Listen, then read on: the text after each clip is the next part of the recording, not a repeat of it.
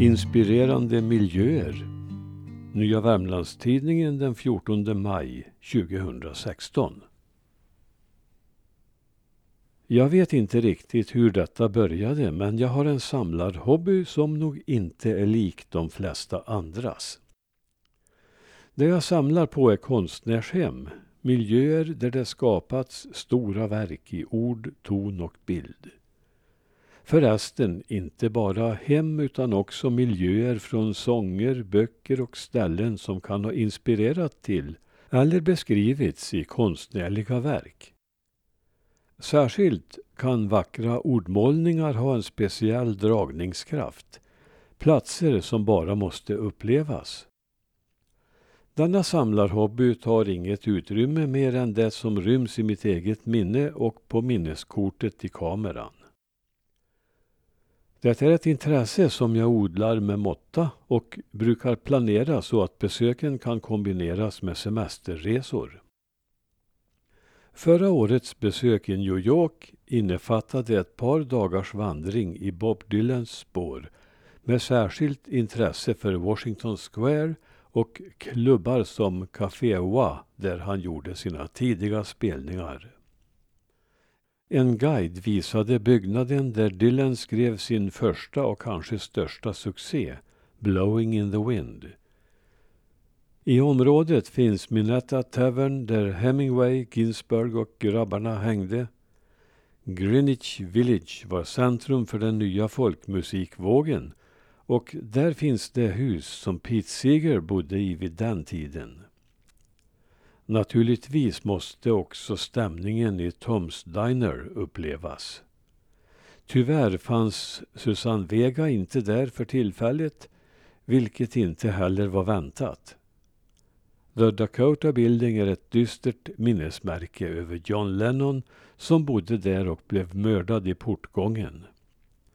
På andra sidan gatan i Central Park har man hedrat Lennons minne med en liten minnesplats, Strawberry Fields. Exempel på nordiska kompositörshem att besöka är Wilhelm Petersson Bergers Sommarhagen på Frösön och Edvard Griegs Troldhaugen i Bergen där man kan se hans arbetsstuga nere vid havet. Nära Hamar finns den lilla husmansplatsen där trubaduren Alf Preussen växte upp. Där kan man insupa den gamla miljön från många av hans visor.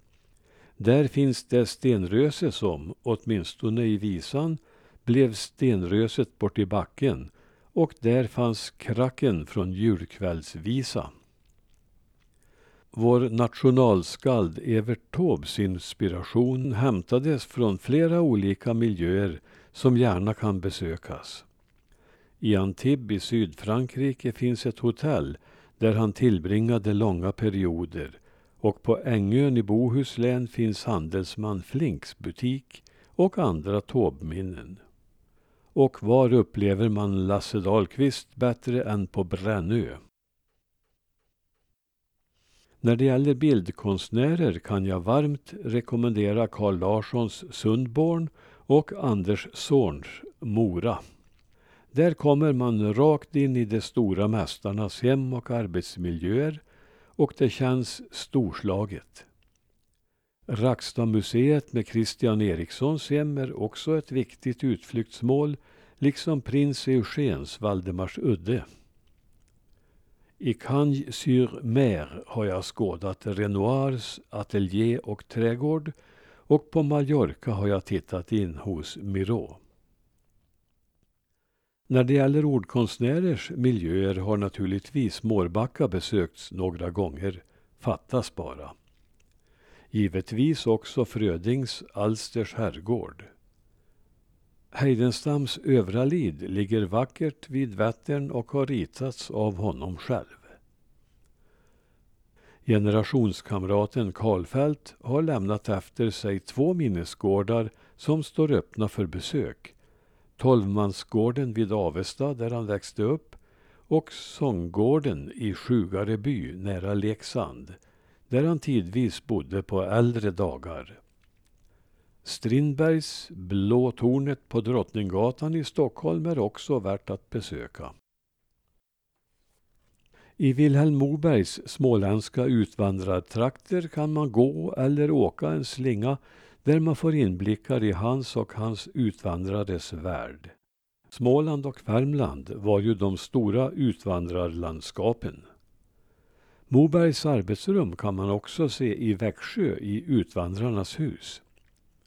I Småland, i Vimmerby, hittar man också Astrid Lindgrens barndomshem med flera minnen.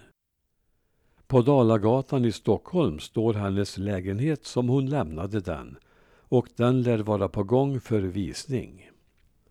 I Vollsjö i Skåne visas Fritjof Nilsson Piratens hem och lika många intresserar sig för hans märkliga gravsten på Ravlunda kyrkogård. Detta med gravstenar kan det finnas anledning att återkomma till. Björnstjerne Björnssons Aulestad ligger nära Värmland. Jag har sett balkongen från vilken, enligt sägen, hans fru skulle hoppa om hon fick veta att han varit otrogen när han kom hem från en utlandsresa. Den store författaren skulle då på håll ha ropat Hopp Caroline, hopp! Åker ni till norra Italien kan jag rekommendera en vandring upp till Colla Michere där Tor Heyerdahl hade sin egen lilla medeltidsby med tornet där han satt och författade. Längre söderut på Capri lockar Axel Muntes vackra villa San Michele till besök. Naturligtvis ska vi inte glömma Gustav Skröder som höll till några år i Dalby. Hans gård i Vingäng finns kvar i ändrat skick. Men lillstugan i nedergården där han först tog in står likadan nu som då. Nyligen gjorde jag och hustrun en resa till London och naturligtvis fick min hobby ett visst utrymme. En rundtur i Beatles spår bjöd höjdpunkter som Paul McCartneys villa, Abbey Roads studio, tyvärr låst, och det berömda övergångsstället där, samt EMIs studio, lika låst, där omslagsbilderna togs till två samlingsalbum. På Brook Street finns ett ganska nytt museum, nämligen Händel och Hendrix i London. Denna osannolika kombination kom sig av att Georg Friedrich Händel och Jimi Hendrix råkat bo grannar, fast i två olika århundraden. Nu har lägenheterna slagits ihop och engagerade volontärer berättar gärna om de båda storheterna. Tänk ändå att ha stått i det rum där Händel skapade Messias-oratoriet. I närheten finns Berkeley Square som jag helt enkelt måste besöka för den vackra poesin i sången A Nightingale sang in Berkeley Square. Parken var vacker men näktergalen borta. London har ju så mycket mer att erbjuda.